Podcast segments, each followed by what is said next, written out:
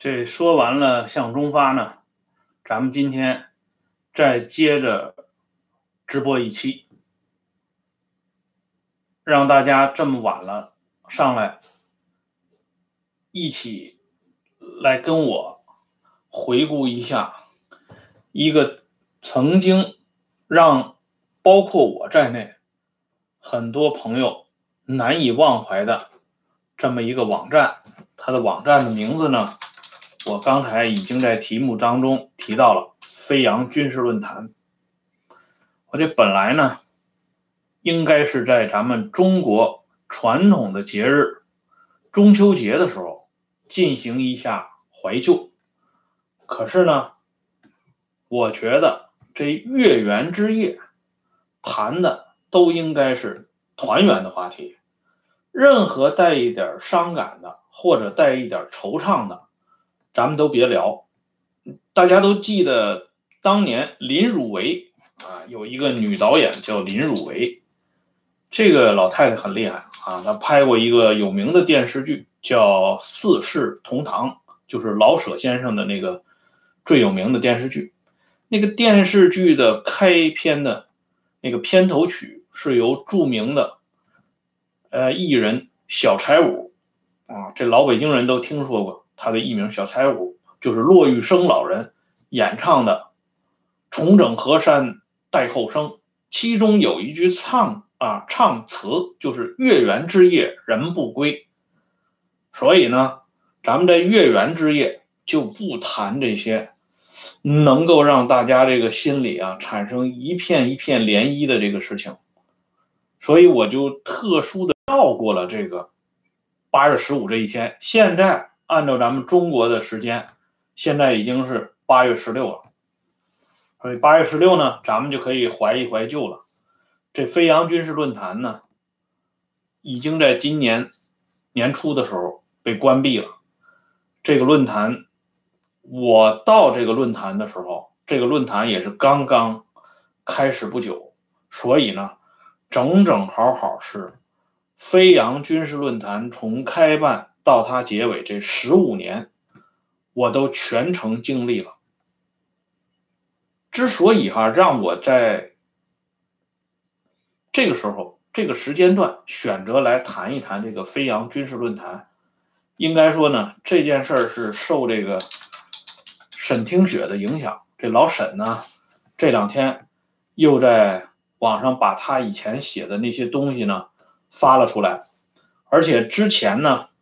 因为朋友的们这个的鼓励啊，帮我搞了一个微信，就是专门用来打赏用的那个微信号，我已我也已经公布了，大家也都能看到，每次那个节目下边的那个回复上都有。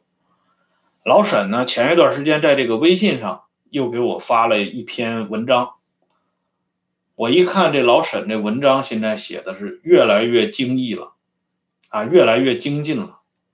很厉害，哎，朝前夕替谈不上啊，咱们就是在一起聊聊天儿。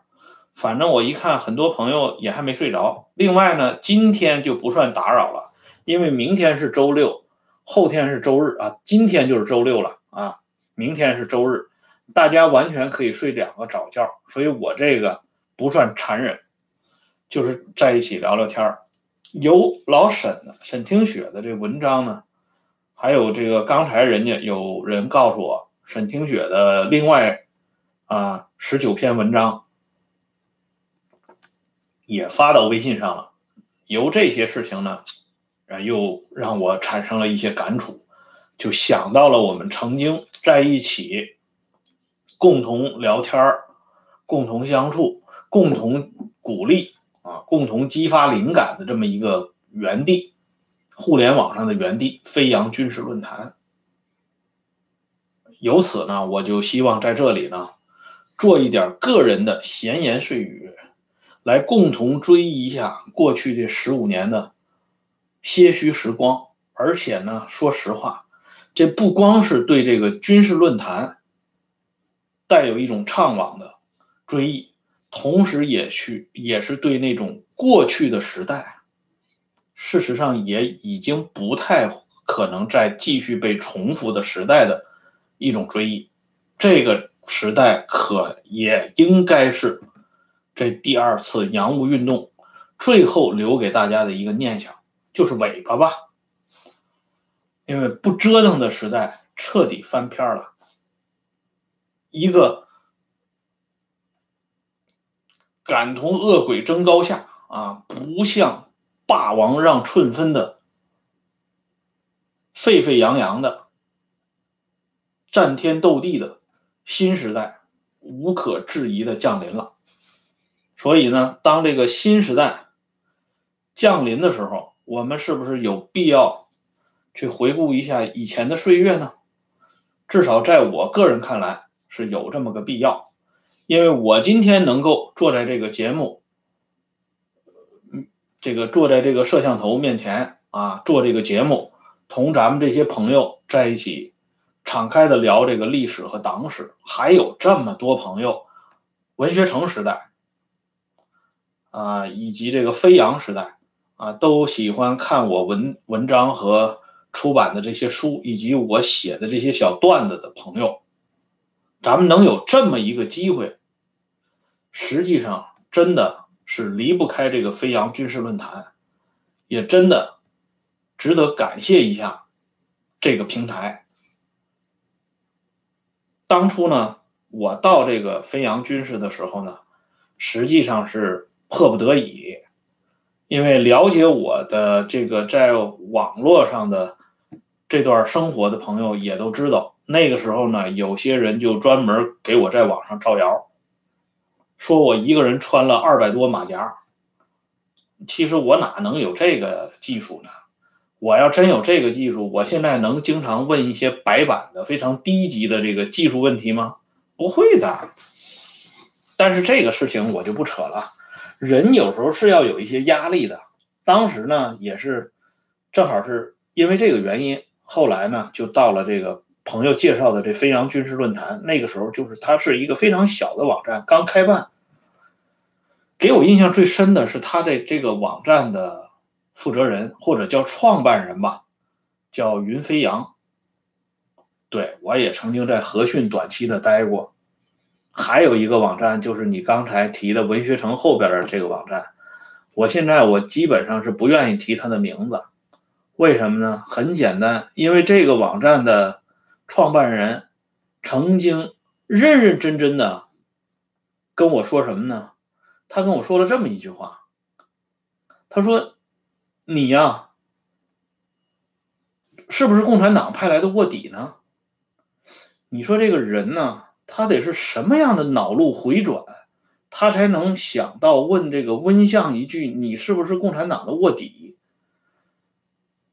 真的让我啊无话可说，所以后来我离开这个网站，实际上就是从他的这个啊，简直是脱离了这个一般意义上的想象力的这种天问呢，我就把它叫成天问啊。自从他这天问之后，我就有了离开这个网站的想法了啊。后来当然由于这个网站，嗯，还有一些乱七八糟的事情。啊，经常这个，反正就是都是这些五毛啊、脑残，最后成了他们的这个这个集集散地了啊，成他们成成了他们的乐园。那里有些人呢，问出来的问题简直是让我至今想起来都喷饭。比如说那个时候我讲这个毛泽东林彪的这个事情，然后呢，有一哥们儿就上来问，跟我回复。说你把这党史啊都说成了小孩打架一样，我当时我就回了他一句，我说我告诉你，党史上这些人物的缠斗和恩怨纠纷，他们不如小孩打架，为什么呢？我们都知道，那三岁五岁的孩子们，他们之间虽然闹纠纷、闹口角，甚至在一起打来打去。但是他们没有隔夜仇，可能这会儿打了一会儿就好了。他们互相不记仇，更不会找后账啊！不会在某年某月某日把这些陈芝麻烂谷子兜了出来。甚至咱们说五胡十六国啊，匈奴、鲜卑、羯、氐、羌啊，这五个民族，就这个羯族的老大石勒，后赵的开国皇帝赵明帝石勒，他回到老家的时候，他发现他小时候的伙伴老李居然没有参加这个晚宴，他就问说：“这老李为什么没来呢？”大家说：“老李不敢来呀，他小时候他老打你呀。您老人家现在是皇上了，他怎么敢露面呢？”石勒说：“务必把这老李给我找来。”后来大家就把这老李给请来了。石勒拉着他的手，请他坐上座，说：“当年啊，你对我保以老拳，你也没少吃我的毒手。我们俩实际上是扯平了。咱们光屁股时代就玩在一起的朋友，不要记那些事情。今天咱们就是叙旧，就是喝酒，吃好喝好。你看看，一个五胡十六国时代啊，一度做了乞丐。”啊，投奔这个乞活军，跟这个乞活军都有一定联系的，这么一个石勒苦孩子，没什么文化的人，他都知道当年的那些陈芝麻烂谷子的事儿是不宜再翻出来做计较的。可是我们看中共党史这些人物之间的缠斗，恰恰是把这些当年的那那些乱七八糟的事情屡屡翻了出来。到了北京要翻延安的事情。啊，还要翻江西时代的事情，谁能记得那么多呀？哎，可是偏偏就有人记得这么多，所以你说这个这个网站经常能发出这种天问啊，或者说这老温是不是卧底的，或者说这党史斗争啊，就像小孩打架一样，这种天问屡屡从这个网站里边发出来，我就觉得这应该不是偶然性吧。所以呢，离开这个网站也是一种必然。其实呢，说实话，国内啊，就盐碱地上这些军事网站，说穿了都是一个字“左”，有的甚至更偏激。你飞扬军事论坛它也是左的，可是呢，左归左，这个论坛的创办人云飞扬这位老大姐，这个人我是很佩服他的，一直到今天都是这样。这个女性啊，豪气十足，啊，很有一些豪气，可以说“巾帼不让须眉”，用这句话来形容啊。当然，有些人认为你这过了啊，他这人怎么可能是巾帼英雄呢？哎，我就是这么一个形容词，就是说他有时候做事儿真的不比男人差，他给予了我一个。最重要的帮助，就是说在那里呢，开了一个温相专栏。对于我个人来说，这真的是一个很重要的转折点，因为我当时呢就需要我的业余生活呢，这个精神生活呢，就需要有这么一个平静的地方，我来不断的写点文文章，啊，写点这个段子，跟大家呢进行交流。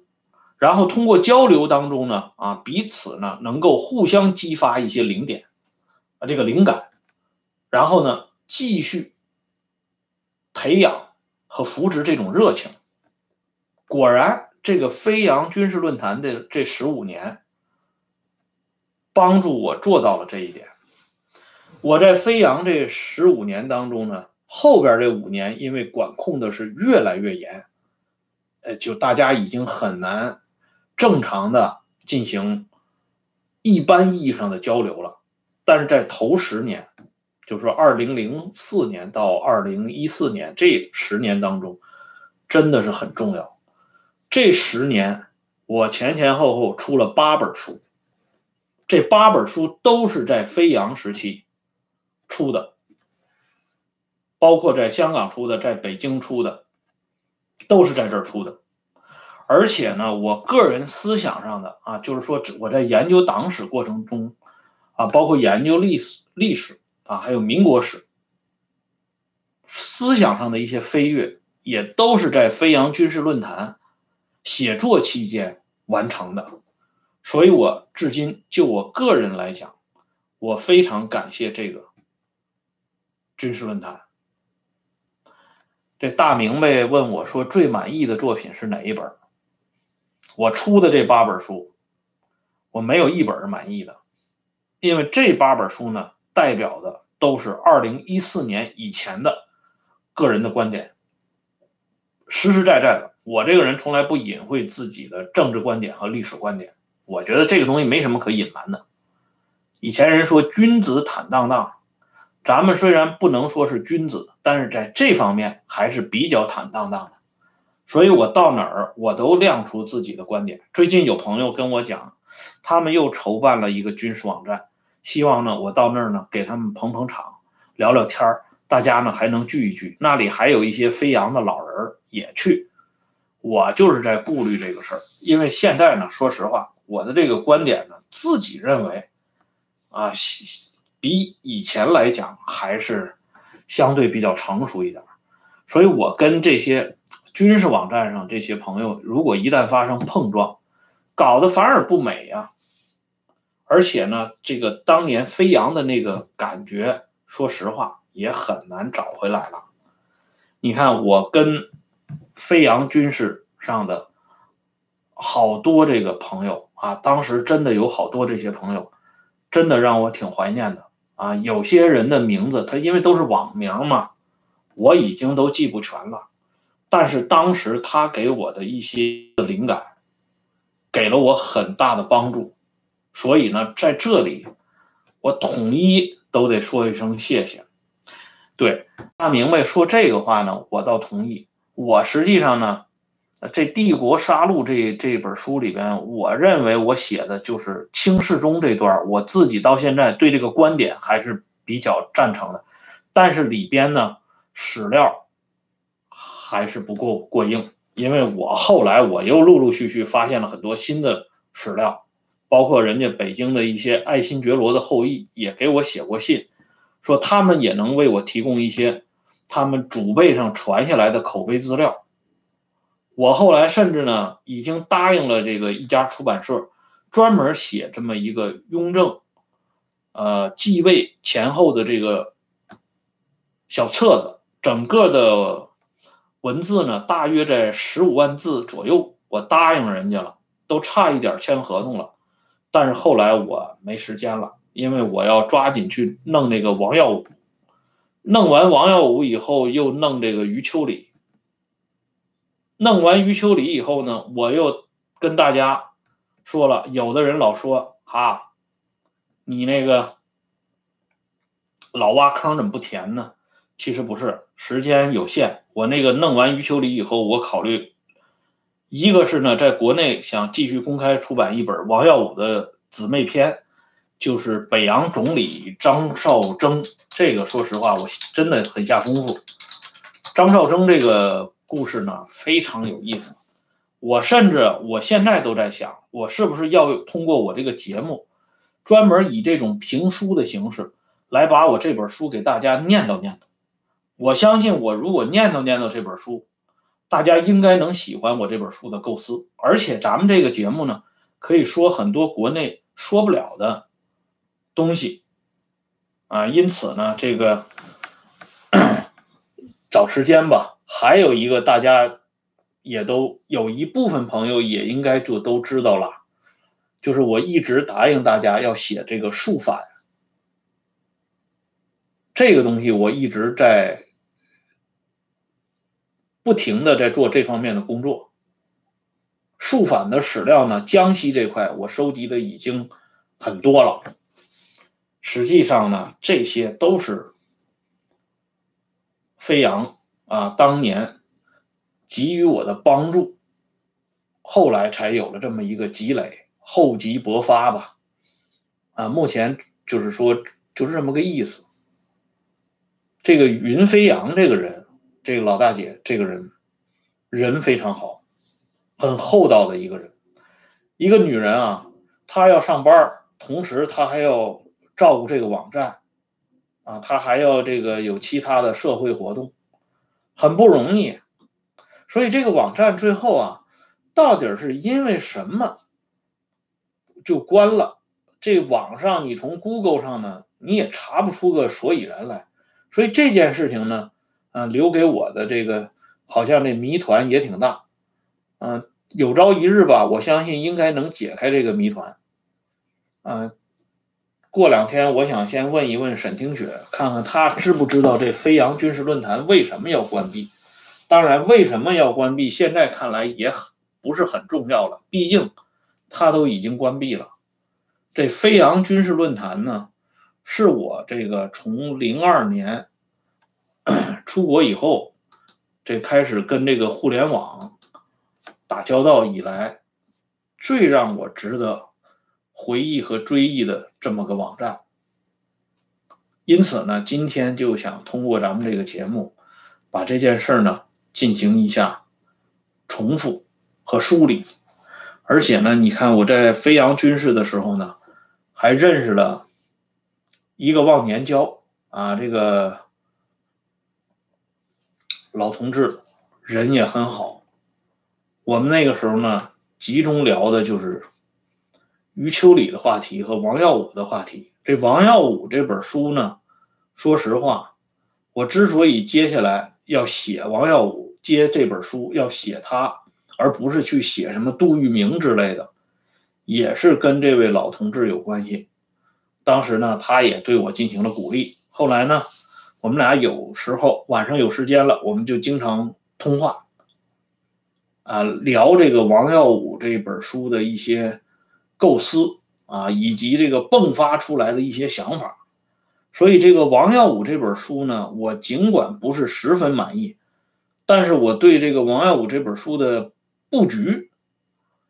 以及填充进来的这些内容所昭示出的某些特殊的含义，我还是非常满意的。所以呢，这个张绍征传奇就是北洋总理张绍征传奇。如果我有时间来写的话，我相信以我现在的比例，应该能完全超越王耀武这本书。自然呢，这是需要时间的。现在的这个时间实在是太紧了，一方面呢要上班一方面呢我还要做这个节目啊，党史嘛，集中来讲党史，所以北洋这段呢，我就只好先压后。另外，借着这个回顾飞扬军事论坛这件事儿，我又跟大家说一下，我正在。整理的这个电子书啊，大家一直以来呢很关注这个，网上网下很多人都在问这个电子书。这电子书呢，就是集合了我二零一四年以来写的文章，不是一四年以前的，因为一四年以前这个人脑子啊还是有点脑残，一四年以后呢，开始逐渐的。呃正常了啊，特别是啊，就这个一五年以后更是正常了。不过呢，这个转变是从二零一二年开始的，一四年就是基本转变了。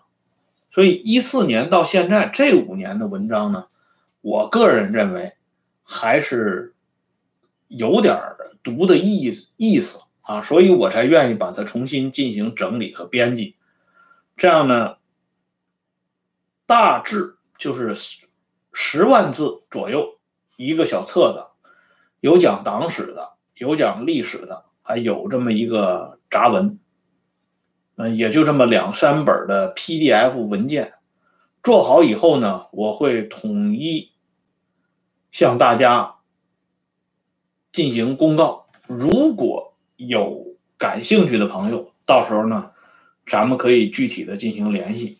这里呢，我就是统一的。跟大家说一下这个事情，当年都左了，就像这个网友说的啊，当年大家都是这样，思想上都是这么一点一点过来的，所以现在呢，很多人说的那些话呢，我都表示理解，很正常，因为我自己当年也是这种啊想法，也有过，就是在人家看来非常弱智的这种表表现。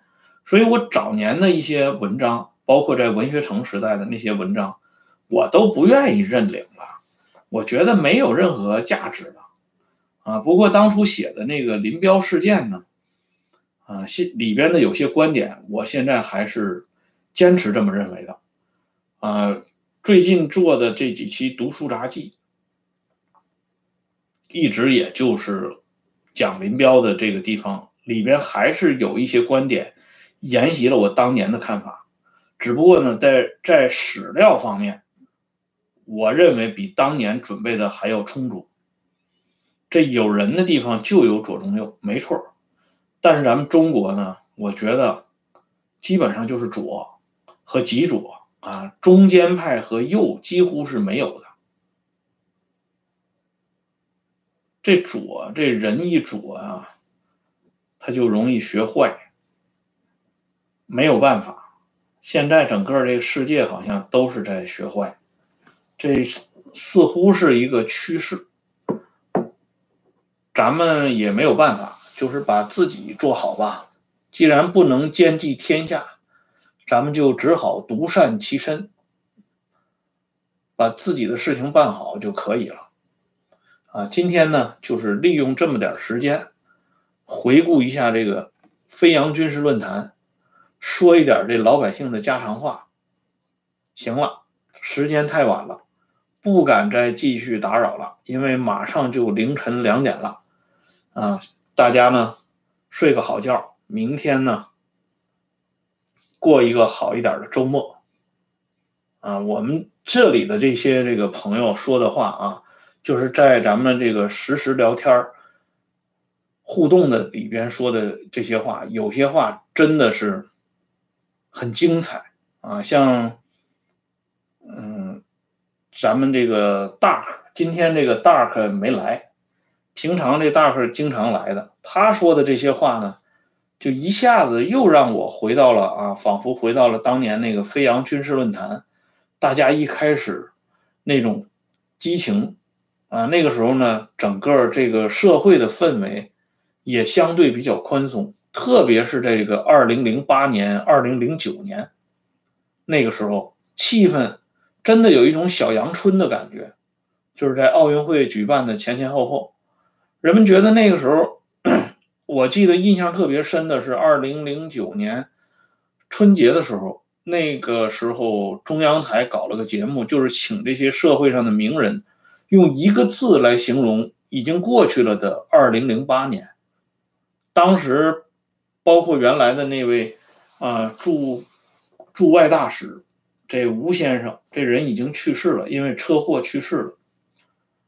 他都说啊，他都就是大家都说那一个字变啊，变化的变，就是说中国在一点点的发生变化。而这个变化呢，自然是向那种好的方向进行转变。可是呢，也是短短的三五年，似乎呢又可以用另外一个“变”字来形容了。因为现在呢，这天下是大变了。这大明白说吴先生真心不喜欢，这个很正常。因为吴先生呢，实际上是处于一种小骂大帮忙的这个状态。要搁我现在的这个思想，我也不喜欢这种人。但他当年的这种说法，包括他当时的那些看法，实实在在的代表了那个时代人们很多人的共同的心声，以为这个事情呢，真的就可以这么平稳的过渡了。然而呢，还是那句老话，形势比人强。总体的形势如果不发生根本性的扭转，那么任何一次小阳春，都是会像飞扬军事论坛这样，只会给大家留下一个美好的回忆和无尽的追思。除此之外呢，你再也找不到任何的东西。你像飞扬军事论坛，就再也没有了。我当年在那里写的文章，我自然我都可以搬到我的这些啊网上存起来。可是，在当时跟所有朋友的那些交流的那些一句两句的那种回复，其实那里头更有价值。那些东西还能完全拷贝过来吗？不可能了。而且当年付出的那些心血、汗水和思维，也都付诸于历史了，没有了。所以，为什么咱们今天讲追忆这个飞扬军事论坛呢？其实更多的是在。这个网道一个时代这个时代可以说是最后的这么一个缓冲的地带，彻底的也翻过去了。今后这个情况究竟会向哪个方向发展，或者说发展到什么地步？就像我昨天说的这样，大事不可轻言呐，真的说不出来。啊，现在再看白岩松这些人，都已经不是小骂大帮忙了。这些人现在完全是处于跪舔的状态，所以这些人现在我已经懒得懒得说了啊。这朋友不讲吗？出这个物权法的时候，对呀，废除农业税的时候，大家都一度很激动。还有那个沧桑的一跪啊，这个汶川地震的时候，那些破碎的瓦砾之间。跑过来一位风尘仆仆的老人，屈着半条腿，握着那个灾民的这个手，语重心长的四目相对，那副场场景让这个大家通过这个光电影一看，哇，这个国家真的是啊，要学好了，这是，嗯，但是后来呢，我们再一看啊，这个国家还是这个国家。就是李鹏同志说的那句话：“帅妈妈还是帅妈妈，就是这么回事啊。”所以，我们就预祝这个帅妈妈继续做帅妈妈吧，咱们也没招了。今天的节目呢，就先说到这里，感谢大家上来收看，欢迎大家一如既往的支持这个节目，踊跃的订阅《温相说党史》，订阅不花钱。再见。